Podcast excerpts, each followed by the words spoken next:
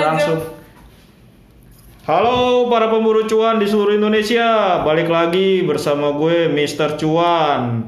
Nah, kalau kemarin kita masih ngomongin masalah cuan-cuan sampai masalah Bang Bukopin, kali ini kita bakal bahas soal utang. Tapi utangnya yang mungkin bisa dibilang utang kebutuhan sih, kayak beli rumah KPR. Nah, di sini gua sama Mrs. M, dia tuh nggak mau disebutkan namanya, cuman ntar gua mention sih di Instagramnya. Sekarang gue sama Miss- Mrs. Mem MM. Dia ini salah satu produser andalan di salah satu media ekonomi dan bisnis terbesar di dunia dalam berbahasa Indonesia. Ya, silakan Mrs. M. Hai para apa sebutannya? Pemburu cuan. Halo para pemburu cuan. Ya apa nih? Iya, jadi pertama gue pengen nanya sih waktu itu kan lu masih muda nih tiba-tiba kenapa sih kok kepikiran mau KPR rumah? Itu kan kayak nggak ada di bayangan anak-anak muda lah. Mereka mikirnya mungkin mau jalan-jalan, mau mungkin investasi yang lain. Kenapa mem- memikirkan beli rumah?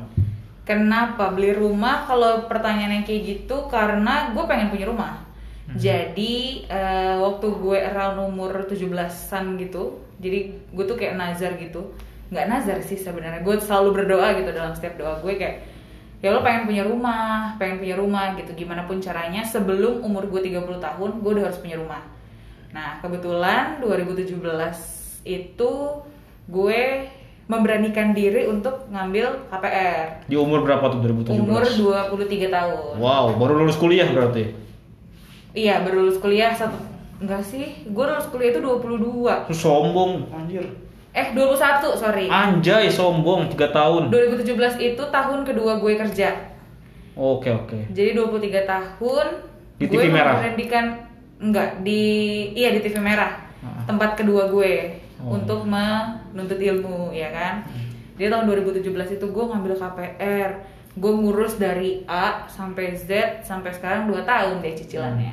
Nah, waktu milih KPR kan masih masih muda lah umur 23 tahun. Itu tahu dari mana sih tips-tips milih banknya, milih developernya itu gimana cara tahunya tuh?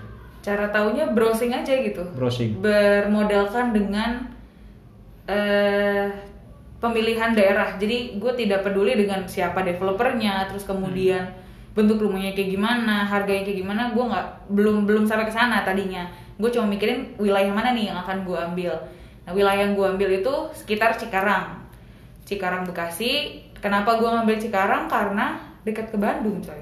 Enggak, gua nggak ngerti sebenarnya alasan lu. Cikarang dekat ke Bandung. maksudnya kalau misalnya jalan kalau misalnya ada short getaway gitu gue misalnya mau hari sabtu minggu gue mau ke Bandung ya itu akan lebih dekat gitu Cikarang Jakarta paling cuma berapa jam? Cikarang Bandung itu dua jam. iya tapi kan lebih dekat dibandingkan gue dari Jakarta ke Bandung gitu Oh, kan iya. Tapi kalau dari Jakarta bisa naik kereta cepat. Nah kalau misalnya Cikarang itu kenapa gue ngambil karena aksesnya lebih mudah dibandingkan misalnya ngambil di, De- di Depok Hmm. ataupun di Bogor karena kan kalau Bogor atau Depok eh, memang aksesnya cuma kereta Hmm. doang kan dan angkutan umum kayak misalnya Mayasari ataupun angkutan-angkutan umum yang bis-bis besar itu kan jarang kalau ke Bogor ataupun ke Depok.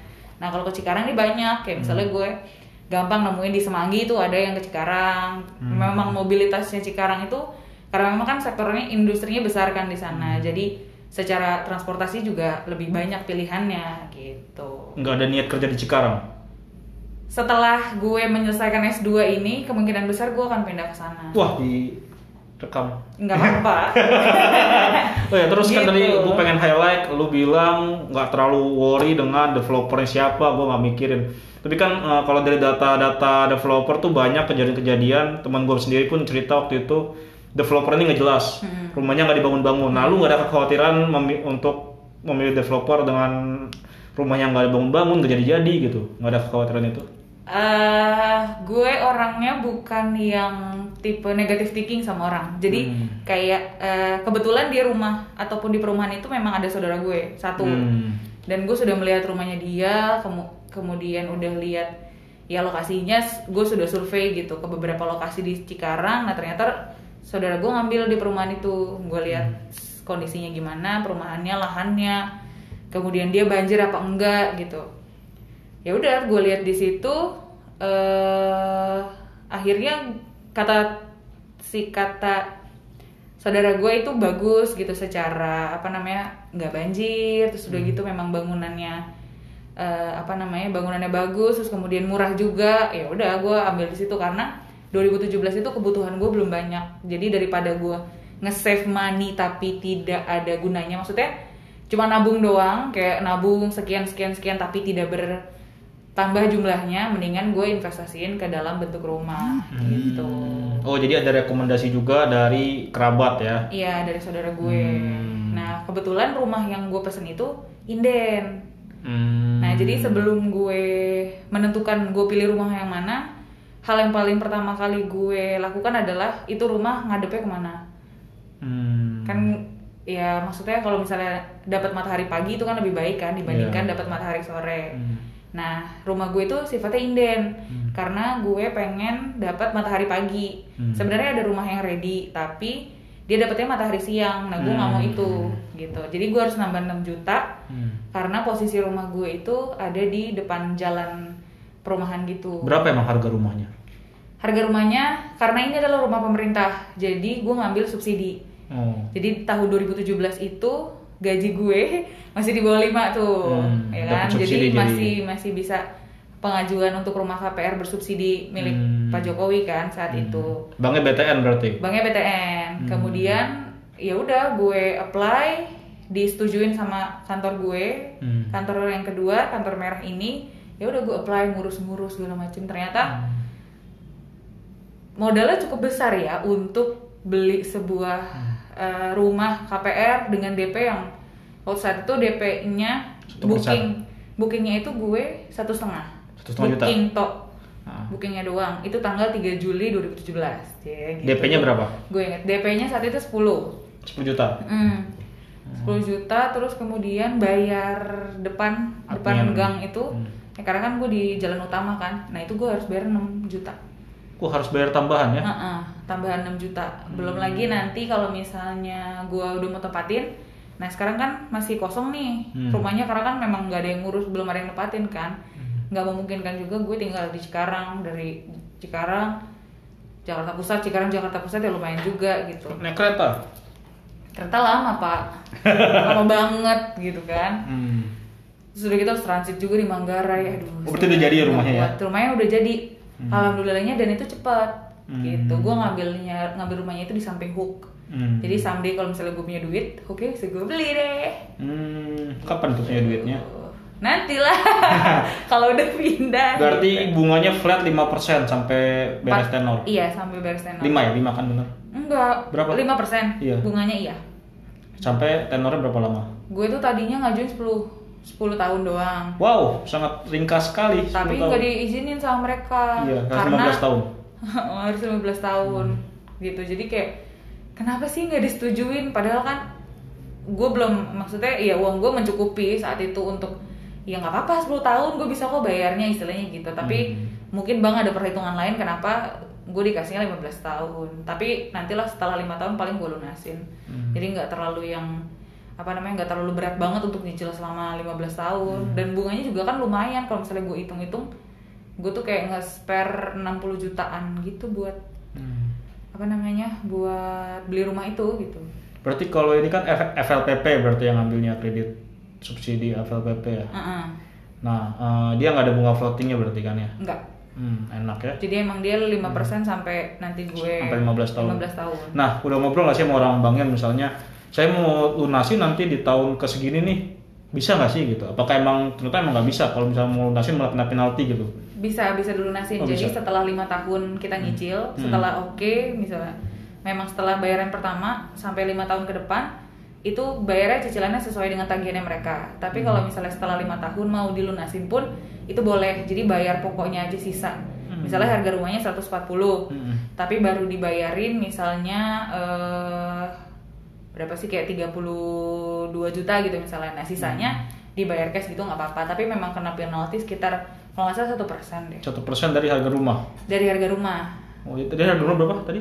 misalnya 140 40, berarti gitu. empat- 14 juta. dibandingkan gue harus nyicil Bayar bunganya. selama 15 tahun kan Iya, gitu. iya, iya. Ya. Berarti ingin bebas kredit setelah lima tahun nanti. Heeh.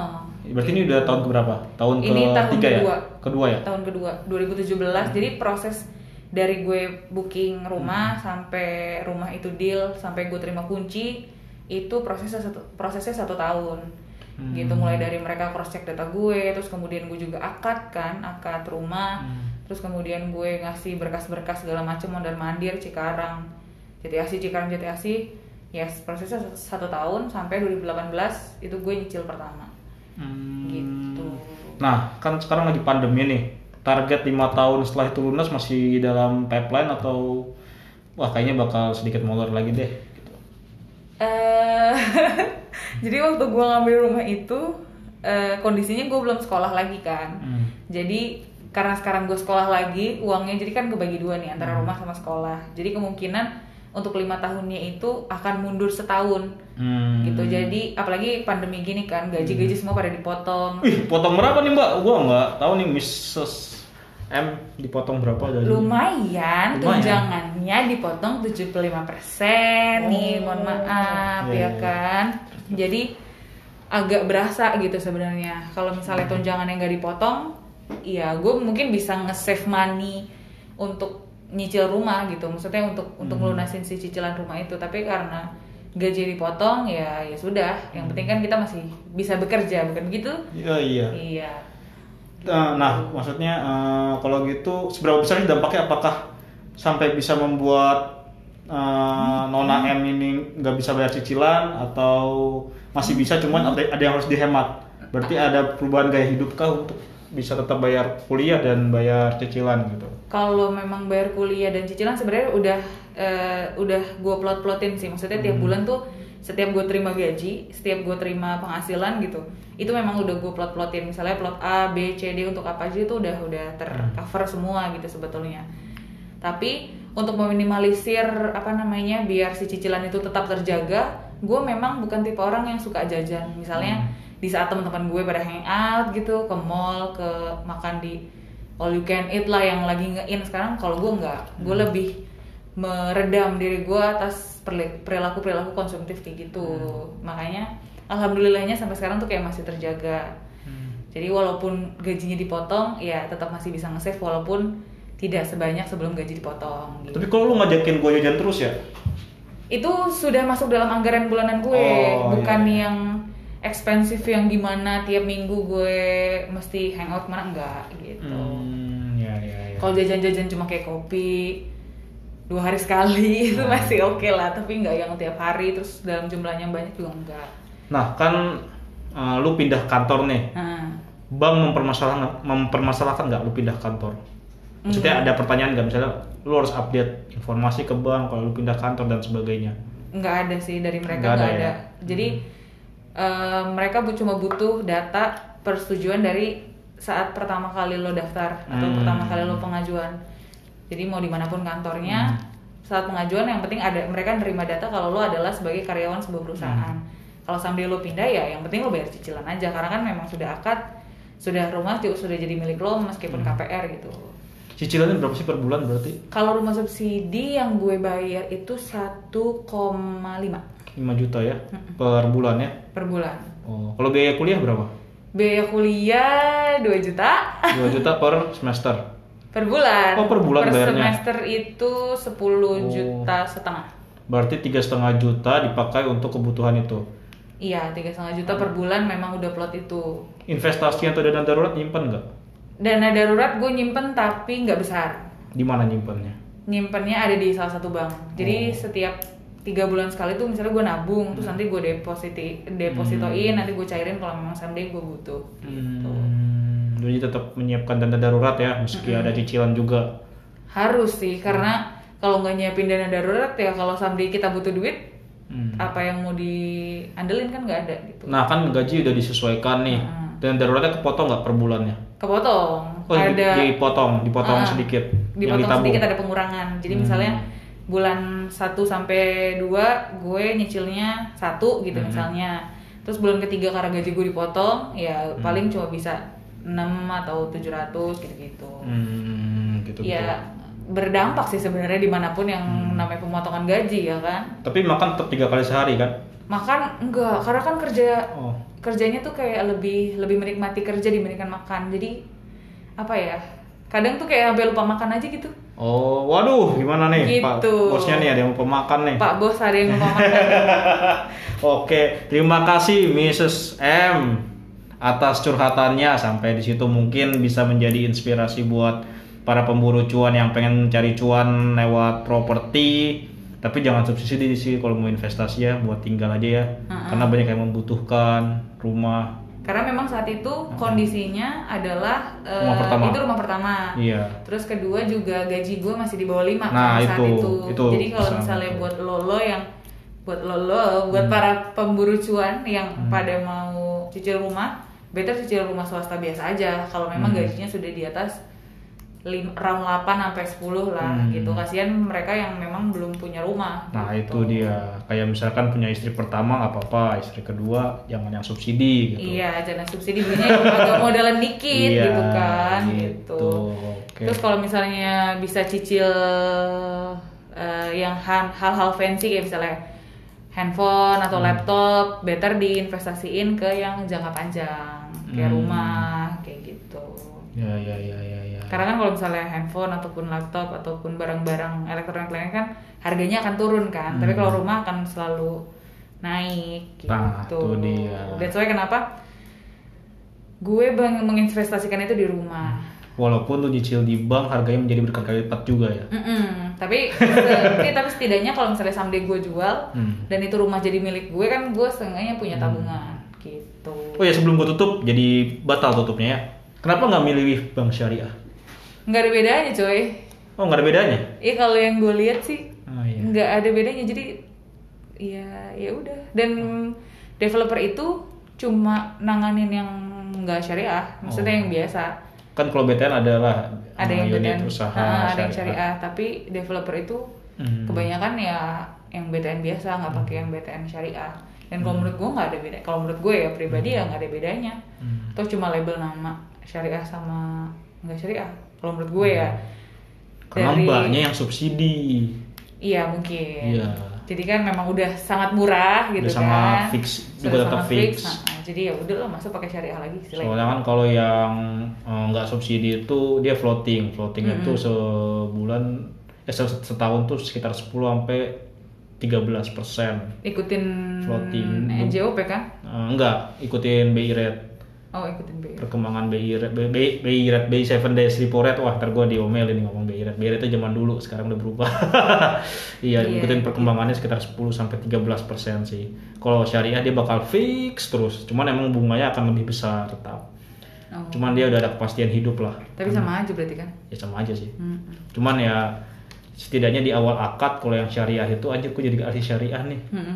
Ntar ada teman gue yang ahli syariah komen gak enak juga Nggak apa-apa gitu langsung. Iya, jadi kan ada di akad awal udah pasti, jadi nggak ada ngambil untung ribanya lah yang naik turun naik turun itu udah fix. Kita udah tahu sampai akhir sampai akhir tenor kita udah bayar berapa gitu sih.